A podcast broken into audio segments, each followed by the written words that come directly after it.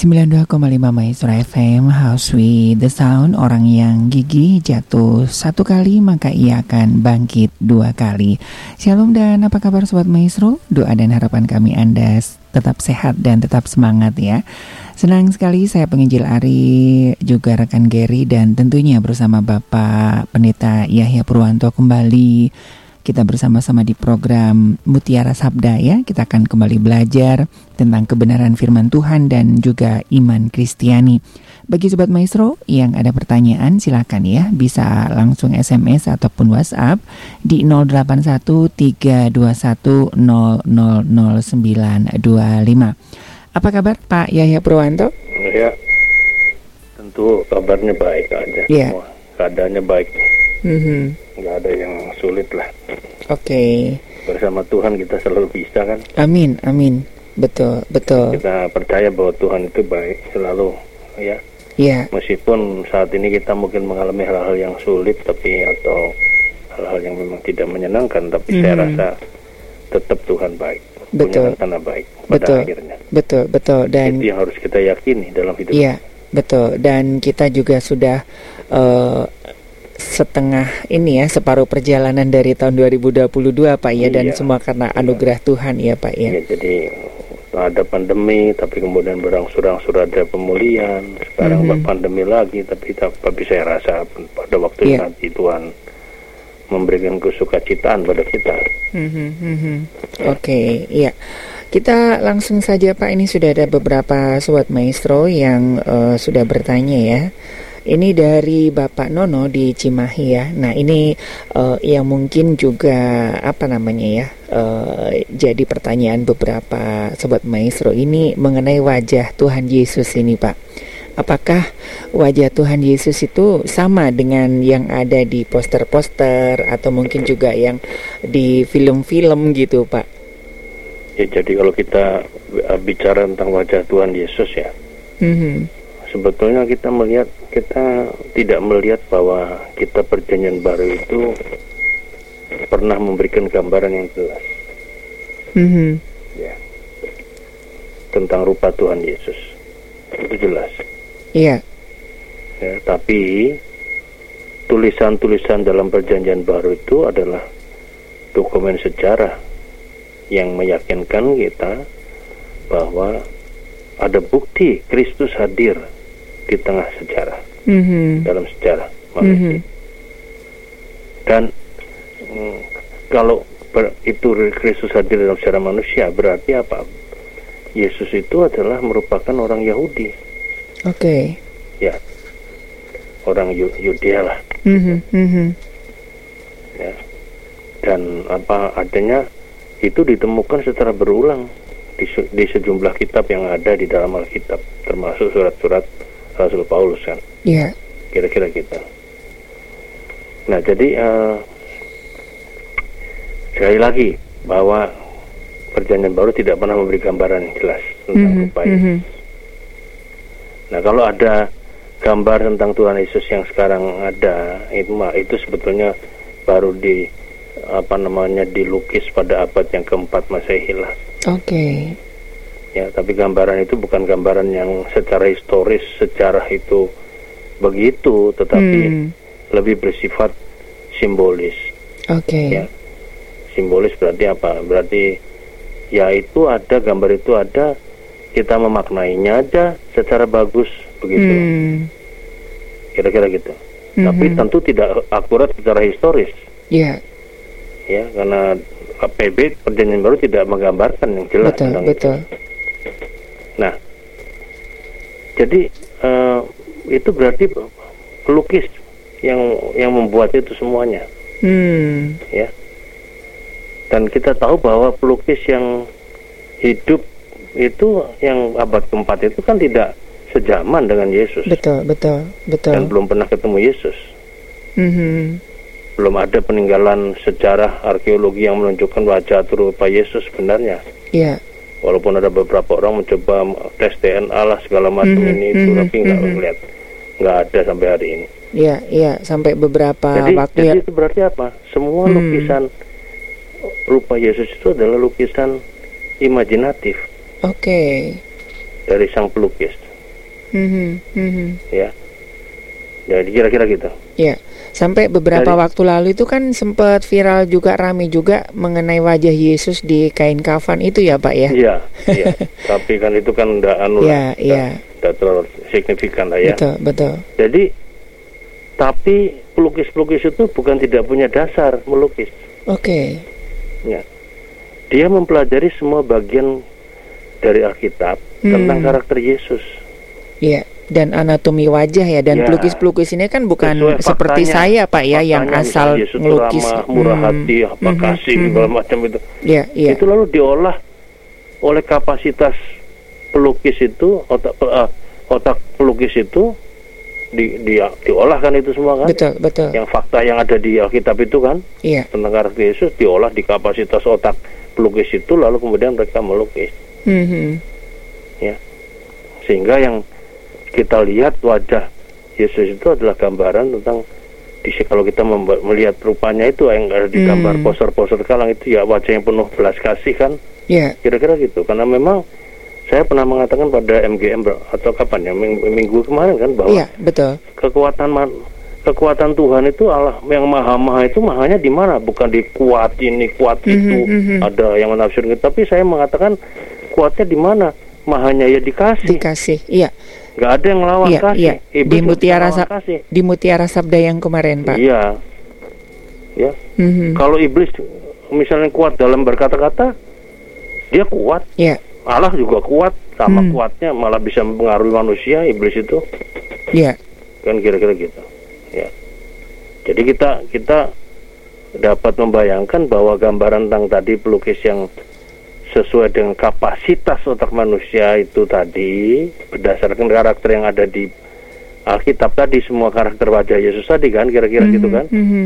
maka kemudian dilukislah wajah Yesus Iya.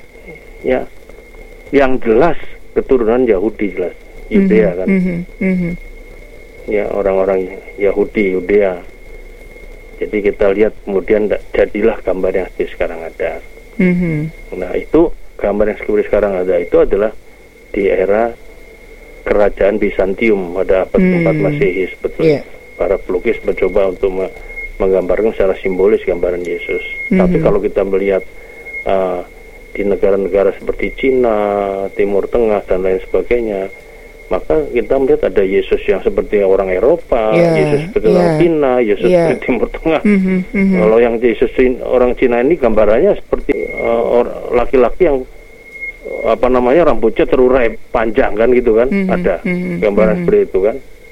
Ya boleh-boleh aja nggak salah karena Iya, iya. Alkitab tidak pernah memberikan secara perjanjian baru tidak pernah memberikan gambaran yang yang betul-betul faktual tentang rupa Yesus nggak ada. Hmm. Iya. Ya. Dan itu tidak menjadi masalah dalam iman eh, Kristiani, Pak. Ya, ya sebelum sebelum sampai ke sana Oke, saya menjelaskan satu oke. lagi bahwa yang secara umum kita lihat dari era Bizantium tadi adalah Mhm. Yesus keturunan Yahudi Iya. yang kira-kira umurnya 30 tahunan ketika Mhm. mulai ya dilukislah itu kira-kira orang Iya. Yahudi yang umur 30 tahun yang penuh belas asih, Mhm. penuh murah hati, eh, mengam- pengampun segala macam kelihatan di wajah itu kira-kira Iya, gitu loh iya, Mas Iya, betul. ya. Nah, kalau bicara tentang apa tadi Mas katakan? Apa ada namanya? pengaruhnya dengan iman? Iya. Ya. Jadi gini, ya bisa bisa ada, bisa tidak. Mhm. Yang saya mau tekankan adalah bahwa Alkitab tidak pernah mengajarkan kepada kita bahwa kita harus memberhalakan gambar Tuhan Yesus. Oke. Ini yang paling penting. Iya. Mau ada gambarnya atau nggak ada gambarnya, mau kita tahu bahwa itu gambar bener apa enggak juga, nggak penting. Mhm. Kenapa? Alkitab Alkitab hanya punya konsep yang penting itu cuma dua hal, Oke. yaitu mendengar ajaran dia, bukan melihat wajah dia loh. Hmm. Mendengar ajaran dia dan Iya. percaya. Iya. Itu dua yang penting. Ya, jadi mau kita tahu gambarnya bener apa enggak, kalau itu bener pun juga tidak penting. Iya. Justru kalau itu kita tahu walaupun dia mementingkan bahaya. Hmm. Karena Alkitab tidak pernah mengajar kita memberhalakan Iya, gambar Tuhan iya. Yesus. Tidak boleh. Ya, yang Hmm. penting cuma dua hal tadi. Apa? Ya mendengar ajaran dia. Ya. Berbahagialah yang mendengar firman dan melakukannya. Kan begitu. Mhm. Dan kedua Mhm. apa? Percaya pada ajaran itu. Oke. Ya. Jangan seperti Herodes. Ya, Ya. udah ngelihat ya. wajah Yesus. Ya. Kalau kita baca Lukas pasal 23 kan ada. Betul, betul, betul. Herodes cuma melihat wajah Yesus, tahu betul dia. Pernah diskusi juga dengan Yesus. Mhm. Tapi yang nggak percaya, ya untuk apa? Ya, Ya, melihat toh dia kan, betul, betul. jadi nggak ada gunanya. Ya. Kalau dia melihat seperti misalnya Yohanes Pembaptis melihat, ya lalu percaya bagus itu. Mhm. Ya. Tapi kita yang sekarang ini kan tidak lagi ya, berada sejaman secara sejarah dengan Tuhan Yesus. Betul.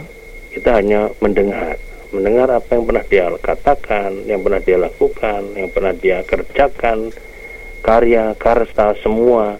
Bagaimana penuh cinta kasih pada waktu itu. Lalu kalau kita mempercayainya, itu yang paling penting. Mhm. Bahwa kita menerima kehidupan yang kekal Ya, dengan cara itu kan kira-kira gitu. betul, betul, Jadi betul. ini yang penting menurut saya. Jadi pertanyaan Mhm, saudara mhm. Nono tadi ya, ya boleh saja kita, Ya.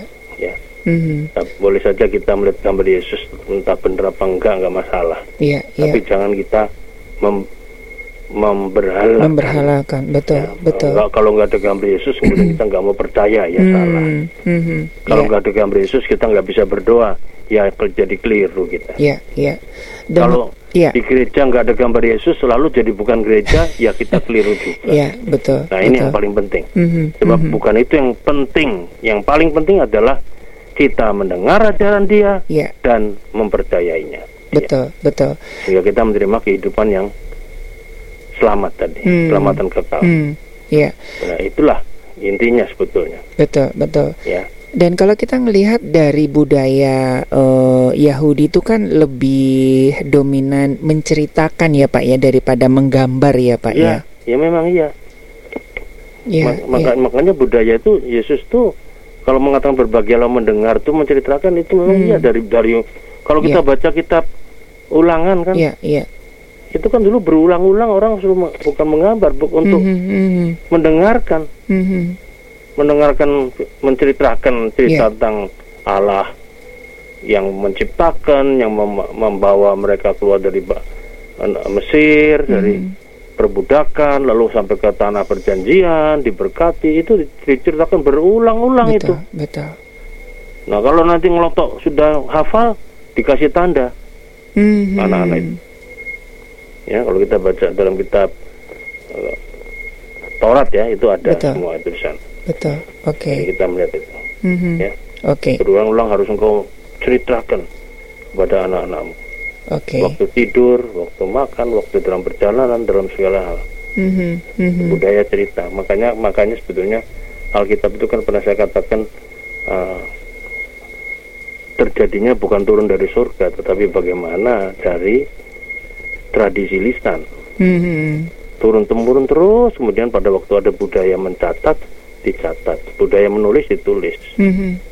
jadilah itu tulisan-tulisan ada di perkamen, di kulit binatang, Yeah. di kulit kayu, segala macam kan.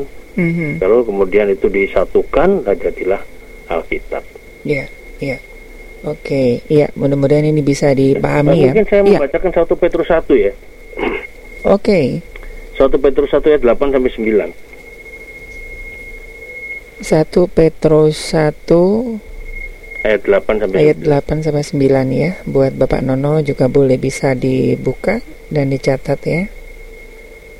Ya. 8 sampai 9. Ya saya baca. Sekalipun kamu belum pernah melihat dia, namun kamu mengasihinya. Hmm. Kamu percaya kepada dia, sekalipun kamu sekarang tidak melihatnya. Kamu bergembira karena sukacita yang mulia dan yang tidak terkatakan. Karena kamu telah mencapai tujuan imanmu, Mhm. yaitu keselamatan jiwamu. Mhm. Jadi percaya penting kan? Yang Iya. penting kan itu. Betul. Berbahagialah. Eh, ada satu lagi ayat yang terkenal. Mhm. Ketika Yesus baru saja Bangkit, bangkit, kemudian iya. menunjukkan pada Thomas, kan Thomas, iya. berbahagialah orang yang Tidak melihat, meskipun tidak melihat ya. melihat wajah Yesus. Hmm. Mhm. Nah, ini ya, ya. Ya, Tapi ya. saya tidak mengatakan bahwa kita nggak boleh punya gambar Yesus, boleh. Hmm. Ya, hanya sekedar gambar saja toh. Ya, Ya, ya. Bahkan eh, ketika Yesus bangkit menampakkan diri juga murid-muridnya nggak kenal ya Pak ya, dikenali dari perkataan dan tindakannya itu ya Pak ya. iya, iya. Ya kan kata-kata waktu jalan ke Emmaus itu Iya, kan, iya, iya. itu sangat jelas sekali. Mhm, Tidak melihat mhm, dia. mhm. Ya, Iya, tapi iya. kemudian dari tindakan, dari kata-katanya, oh dia Mhm. yang san- ingat ketika sampai rumah. Iya. Lah tadi yang jalan tuh Yesus. Mhm. Begitu jalan, begitu dia tahu Yesus sudah nggak ada bersama Ya. mereka. Ya. Oke. Oke. Jadi ini eh, sudah cukup jelas ya Nah, buat kisah Herodes Mas, mungkin Hmm. Saudara bisa mencatat baca Iya. sendiri nanti di Lukas pasal 23 Lukas. ayat 8 sampai 12. Dia Yesus tuh Her- Herodes tuh melihat Yesus. Betul, Yesus, betul, betul. mau percaya masuk neraka Betul. lah dia. Sampai berdebat juga kan ya, Iya. kalau tidak salah di ayat ini ya. Oke. Iya. Oke, terima kasih ya buat eh, Bapak Nona ataupun Saudara Nona di Cimahi ya. Dan ini juga bisa menambah wawasan buat kita begitu ya. Baik, kita ke Pak Petrus di Pagarsi. Ini juga unik sekali ya. Saya juga nggak kepikiran ya. ini tentang eh, rasul-rasul, Pak.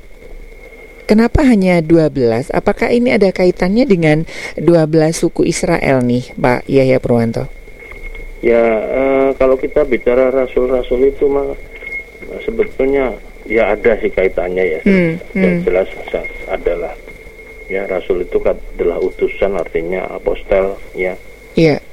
Jadi dipilih oleh Tuhan Yesus 12 itu untuk apa namanya ya bahwa ada hubungannya dengan hmm, apa namanya eh, gambaran Yesus tentang apa yang dia alami pada waktu dia menjadi orang Yahudi Mhm. yang kemudian dia tahu sejarah tentang perjanjian lama semuanya sejarah umatnya ya bagaimana eh, apa namanya keselamatan itu yang dari Tuhan itu dimulai dari mana dipilihnya 12 suku di Israel Mhm. jadi sebetulnya kalau kita bicara tentang hubungannya ini ada, adanya adanya ya, ya apa? Adanya Hmm. ya itu bicara tentang keselamatan, Mas. Iya. Ya. Jadi kita melihat bahwa eh, kedua belas suku itu adalah apa namanya memang memiliki kaitan di situ Mhm. dan itu bukan kaitannya bukan cuma terkait tapi sangat kental terkaitnya kenapa bicara keselamatan ini Oh. Jadi ketika Adam dan Hawa diciptakan kemudian jatuh dalam dosa, Allah berkali-kali berulang untuk me- mencoba untuk memulihkan kembali. Hmm. Lalu sampailah kemudian yang saya pernah katakan dia memilih 12 suku. Iya. Itu yang disebut apa namanya partikular Partikular. Iya. ya. Jadi keselamatan cuma 12 suku itu aja. Mhm. Tapi kan keselamatan keselamatan 12 suku ini kan nggak bisa hanya untuk 12 suku. Iya, betul. Karena ada universital universalitas Iya. Yesus. Mhm.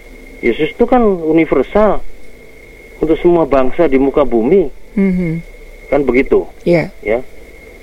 Jadi kedua belas rasul Yesus itu melambangkan 12 suku itu, Oke. ya. sebagai bangsa pertama pilihan Allah yang menerima janji keselamatan, tidak hanya berhenti di 12, Mhm. tapi kemudian ke seluruh dunia, jadi Mhm. universal, Iya. ya. Memang mula-mula 12 suku. Nah, ketika universal ini, Yesus kemudian memilih 12 rasul ini. Karena itu di, apa namanya perintahnya kepada 12 rasul ini apa kan? Kan bahwa pergilah Iya. engkau akan kujadikan penjala Penjala manusia. manusia, iya. Pergilah ke seluruh dunia, Mhm. ya. Amanat agung Nah, ya, amanat ya? agung kan? Iya. Jadi di situ dimulai dari 12 itu. Jadi Mhm. di situ ada ada apa namanya? ada jembatannya, Hmm. ya. Ya, karena Yesus bagaimanapun juga kan orang Yahudi. Iya. ya jadi Allah men- menyatakan rencana keselamatannya ya setelah Adam jatuh dalam dosa itu tidak henti-hentinya memanggil anu kemudian jadilah panggilannya kan mula-mula kepada siapa pada Nuh pada terus kan begitu kan lalu Mhm, pada mhm. anak-anak Yakub 12 Betul. nah di situlah mulai 12 suku terpilih. Kenapa kok 12 ya? Memang 12 maunya Tuhan. Ya kan kira-kira begitu. Mhm. Nah, Yesus di sekarang karena universalitas tadi, maka kemudian itu kemudian meng- apa? memperluas itu semuanya. Ya. Yang tadinya partikular hanya untuk umat Israel Yahudi, tapi ke seluruh di muka bumi kan. Dan Mhm. keselamatan itu seluruh bangsa Mhm. ya itu Oke. semua saat saja mula-mula dari Yerusalem kemudian seluruh Yudea Samaria sampai ke ujung Ujung bumi. bumi kira-kira begitu Iya. ya jadi jadi gambaran sangat jelas nah di sini di sini kita melihat bahwa gereja adalah bangsa yang baru dari pilihan Tuhan. Dan gereja ini dibentuk oleh siapa? 12 rasul yang sudah Hmm. menjalankan fungsi universalitas daripada Kristus Iya. untuk seluruh dunia ya. Di si- di situlah kita melihat rancangan keselamatan Allah itu akhirnya apa? Untuk seluruh umat manusia di muka bumi. Hmm. begitu ya. Dan itu di apa? Dilanjutkan oleh siapa para rasul 12 Iya. tadi Iya. lalu ada 70 orang diutus Hmm. ya ada kemudian 100. ada rasul-rasul Iya, lain Paulus betul, betul. Barnabas semua ya dari situ ya mulai terlihat kita Mhm. Mhm. ya jadi sebetulnya sebetulnya eh, perlamba, perlambangan ini adalah hubungannya dengan janji keselamatan Tuhan Mhm. kepada manusia Iya. ya yang dimulai dari kitab kejadian pasal 3 ayat 15 ya, kalau tidak Iya. salah Mhm. janji Mhm. keselamatan yang utama itu Betul. situ di, saya coba bacakan barangkali bisa dibaca sedikit 315 aku akan mengadakan permusuhan antara engkau dan perempuan ini antara keturunanmu dan keturunannya keturunannya akan meremukkan kepalamu dan engkau akan meremukkan tumitnya Hmm. ini mengarah ke Yesus kan Betul, betul. dari situ janji itu Eh, diwujudkannya dengan proses tahapan yang tadi saya katakan dari panggilan pada Abraham, Ishak, lalu Yakub, pengukuhan Yakub, ya dengan Mhm. anak-anaknya itu merupakan bentuk partikular daripada Iya. keselamatan yang hanya untuk orang Yahudi kan 12 suku itu, tapi di di dalam Yesus kejadian 3 ayat 15 dipenuhi Mhm. ya. sehingga kemudian apa di situ simbol 12 ini dipakai Yesus karena memang Yesus orang Yahudi kan Iya, iya. dipakai untuk memulai ini ya.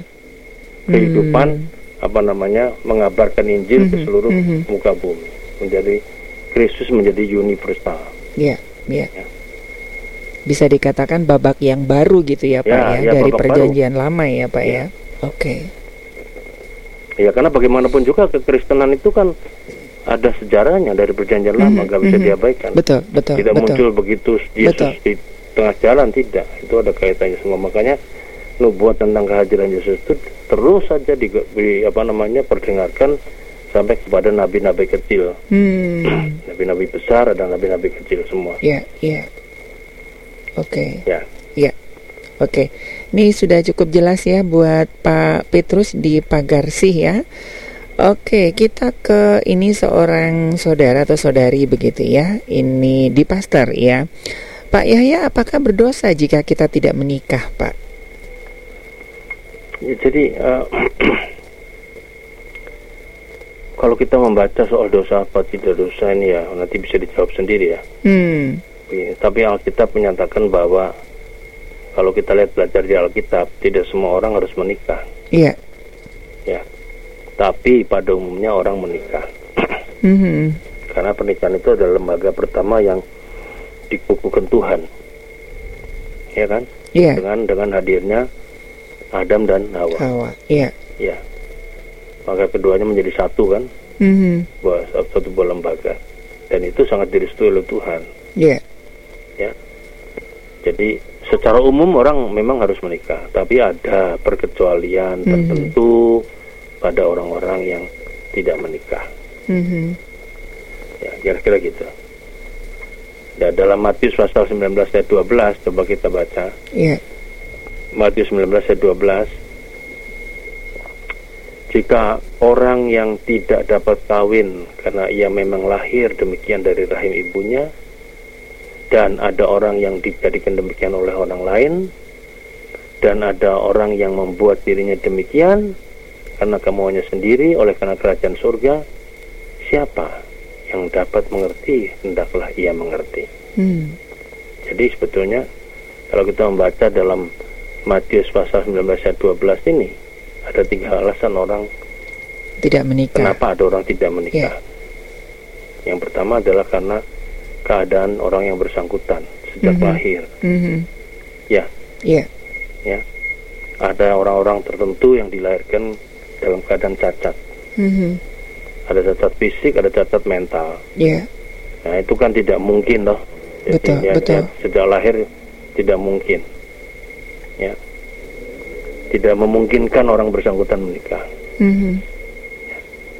atau mungkin juga Tuhan menentukan orang tertentu dilahirkan untuk tidak menikah Mhm. tapi bukan sebagai sebuah karunia Oke. sebab kalau sebuah karunia beda tidak menikah untuk kerajaan Allah nanti bagian yang ketiga Mhm. itu karunia Iya.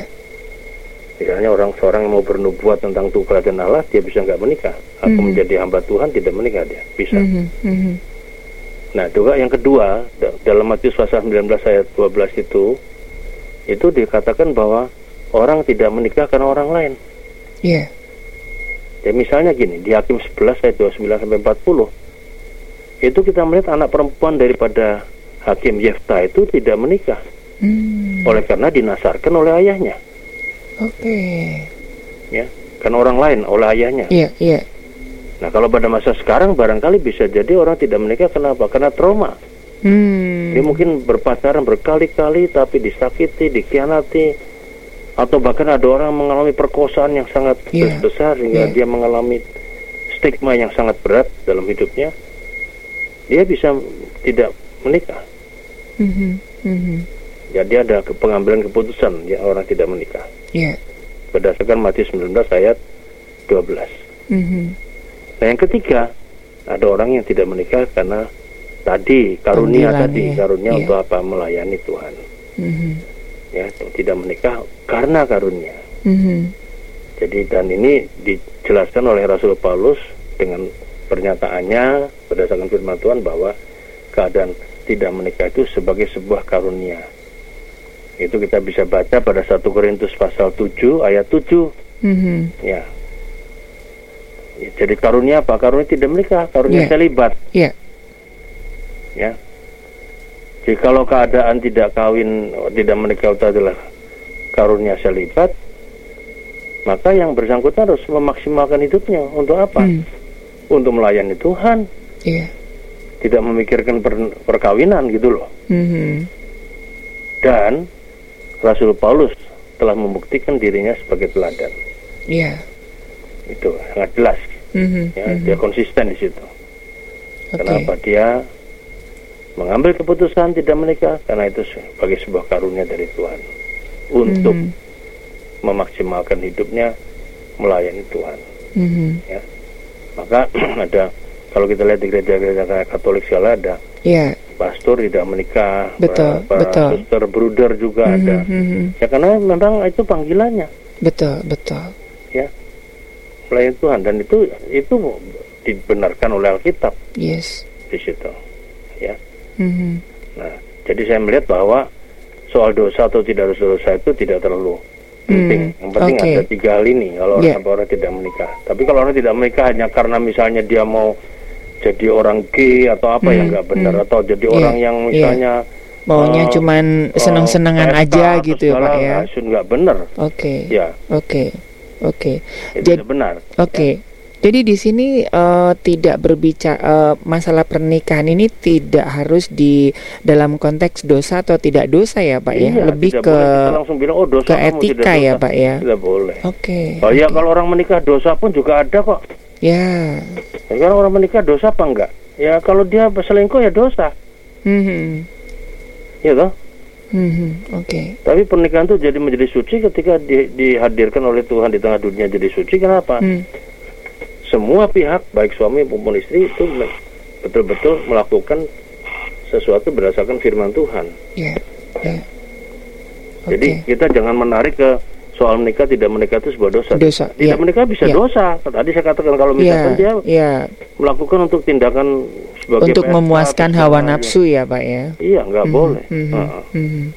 Sama juga menikah kalau motivasinya untuk Ya dosa juga, ya toh. ya. Kalau menikah motivasinya hanya untuk eh, misalkan mencari istri yang kaya atau segala, Hmm, hmm, hmm, atau hanya tuh sekedar cari keturunan hmm. yang bagus, saya, saya rasa tidak benar. Bukan Iya, itu soalnya. Iya.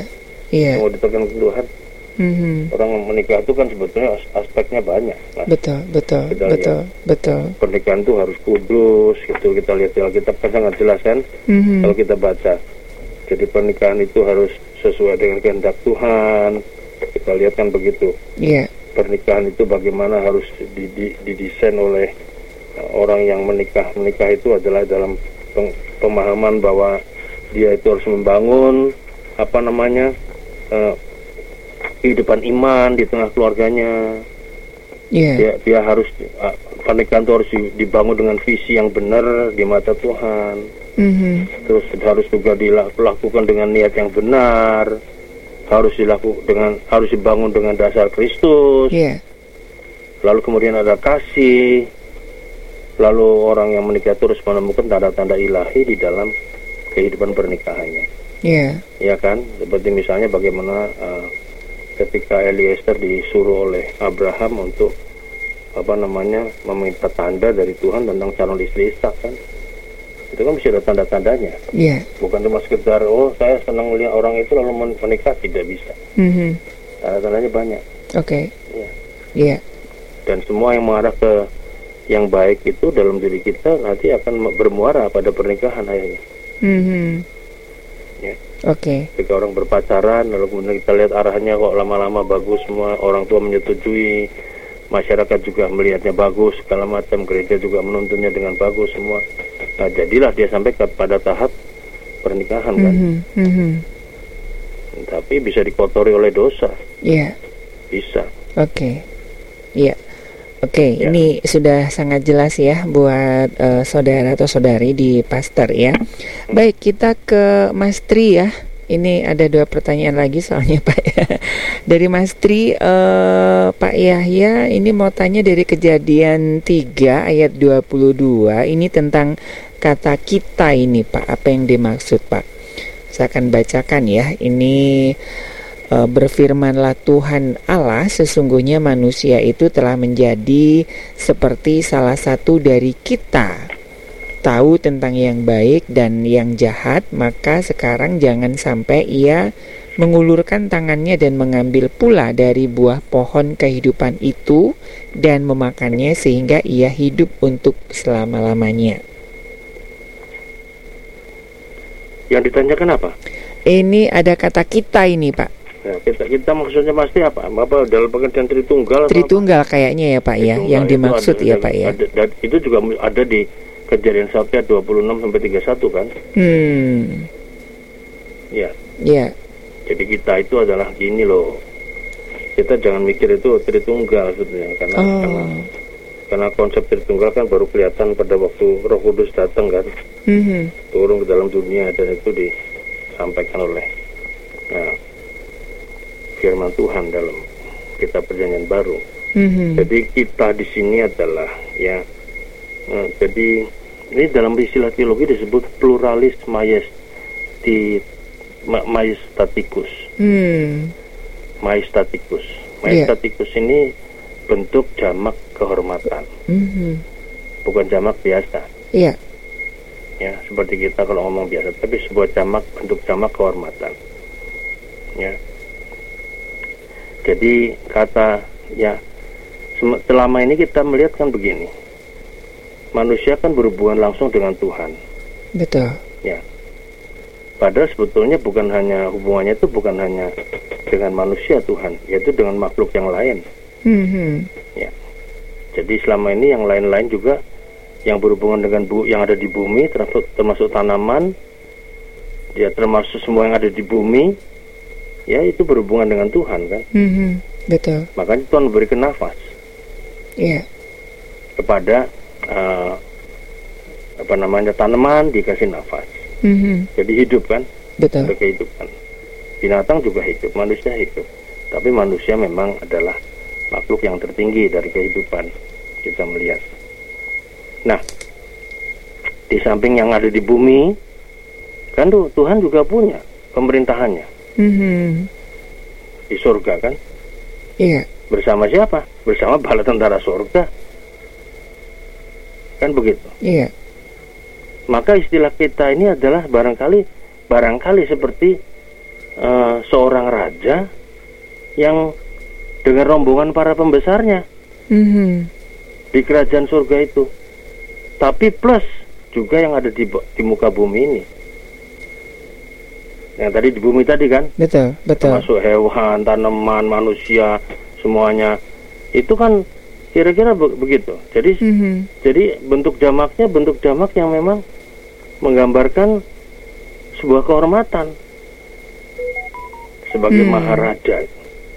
Iya. Maka di- memakai kata kita di situ. Ya?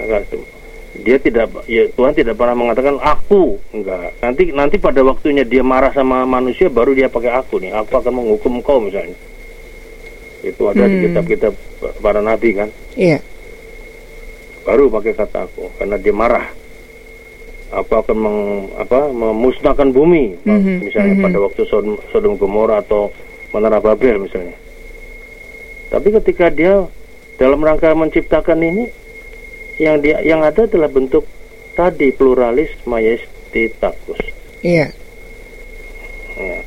majestatikus salah, Mhm. sorry majestatikus itu artinya apa bentuk jamak itu itu istilah teologi Oke. itu bentuk jamak kehormatan, Kehormatan. Iya. ya ya kira-kira gitu Mhm, mhm. Oke, jadi sudah sudah terjawab ya, eh, Mas Tri ya.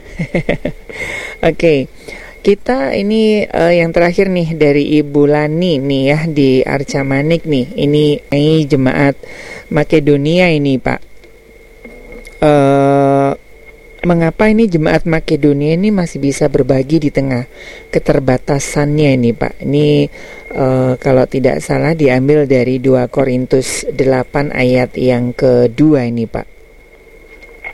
coba dibaca Iya. 8 ayat 2 Iya, selagi dicoba selagi dicobai dengan berat dalam berbagai penderitaan, sukacita mereka meluap dan meskipun mereka sangat miskin, namun mereka kaya dalam kemurahan.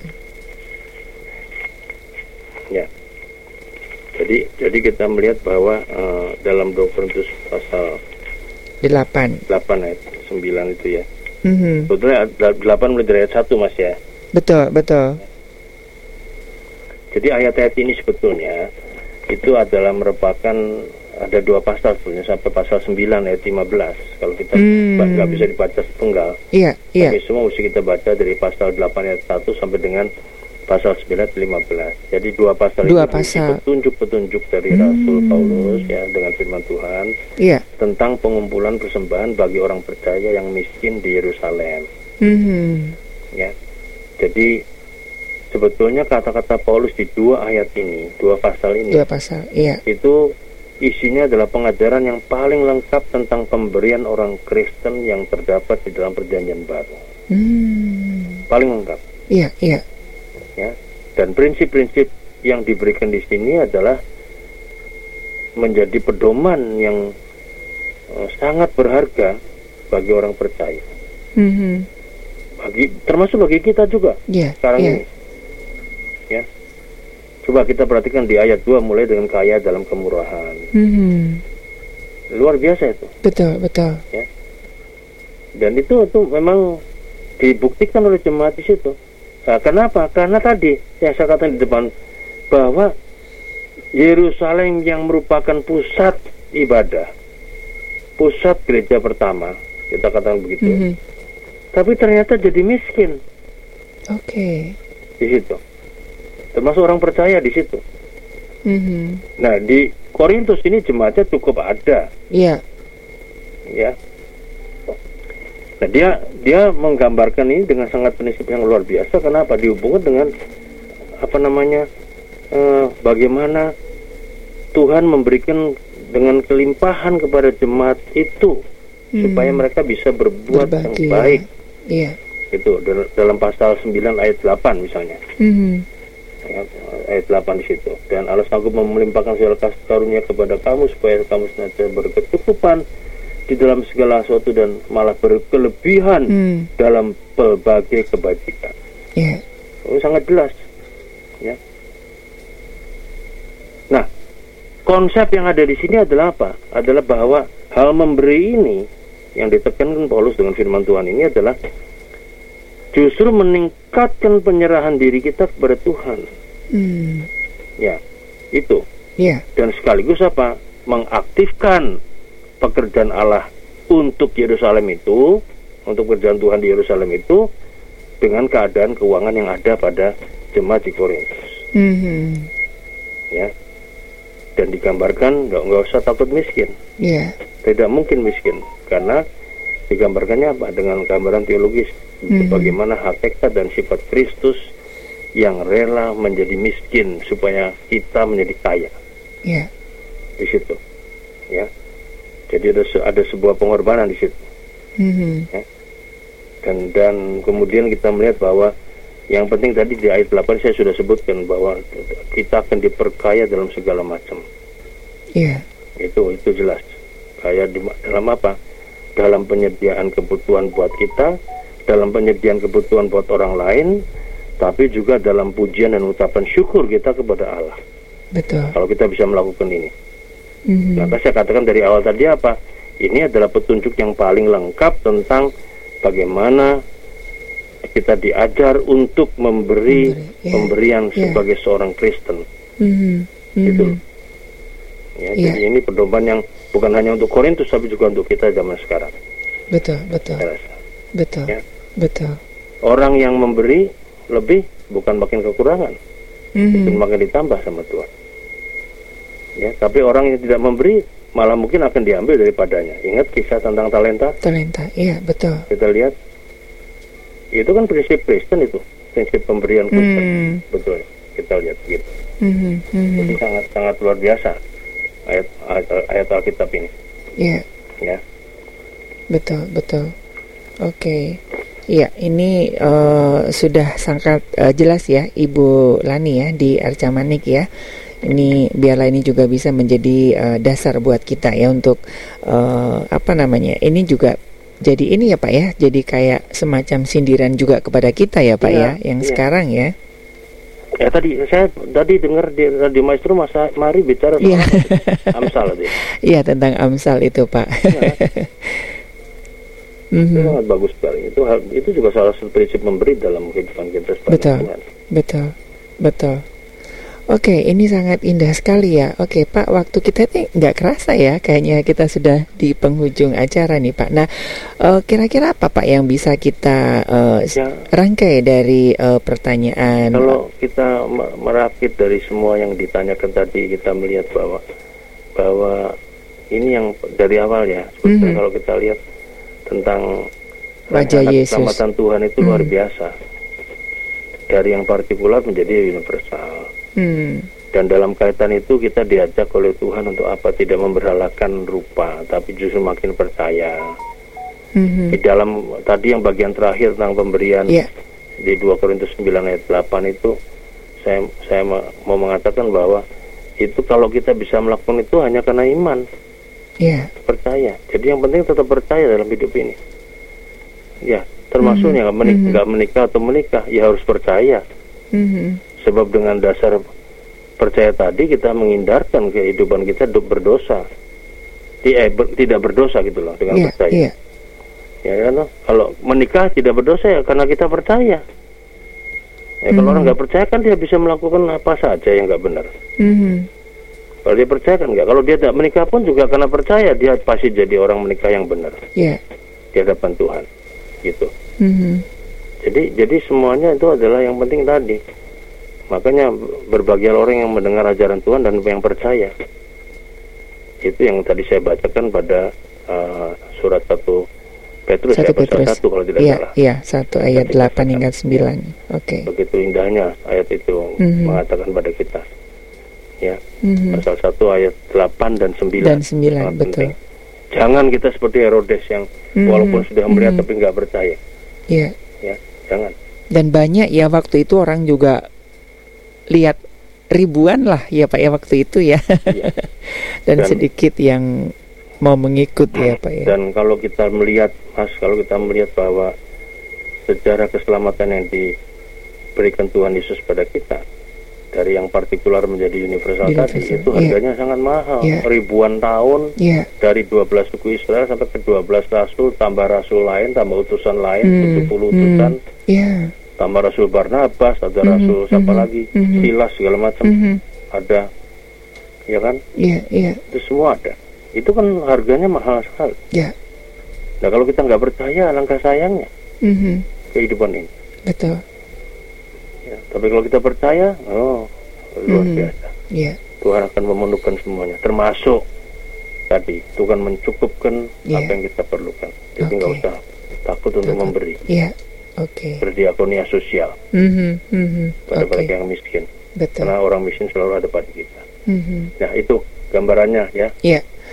Oke, sekali lagi terima kasih Pak Yaya Purwanto sudah sangat jelas dan eh, semakin memperkaya wawasan kita ya dan biarlah ini tidak hanya menjadi sebuah program tapi menjadi satu makanan kita dan menginspirasi kita untuk terus menggali dan mencintai eh, firman Tuhan. Terima kasih Pak Yaya Ya, Purwanto. sama-sama Mas. Oke. Berkati. Ya, baik. Salam sehat semuanya buat Ya. semuanya. Ya, sama-sama Pak Yahya Purwanto. Baik Sobat Maestro, dari Gera Maestro Jalan Kaca Piring 12 Bandung, saya penginjil Ari, Pendeta Yahya Purwanto dan rekan Geri. Mohon pamit, kita ketemu lagi di program Mutiara Sabda selanjutnya. Ingatlah bahwa setiap orang yang meminta akan menerima, yang mencari akan mendapat, dan yang mengetok baginya pintu dibukakan. Tuhan memberkati.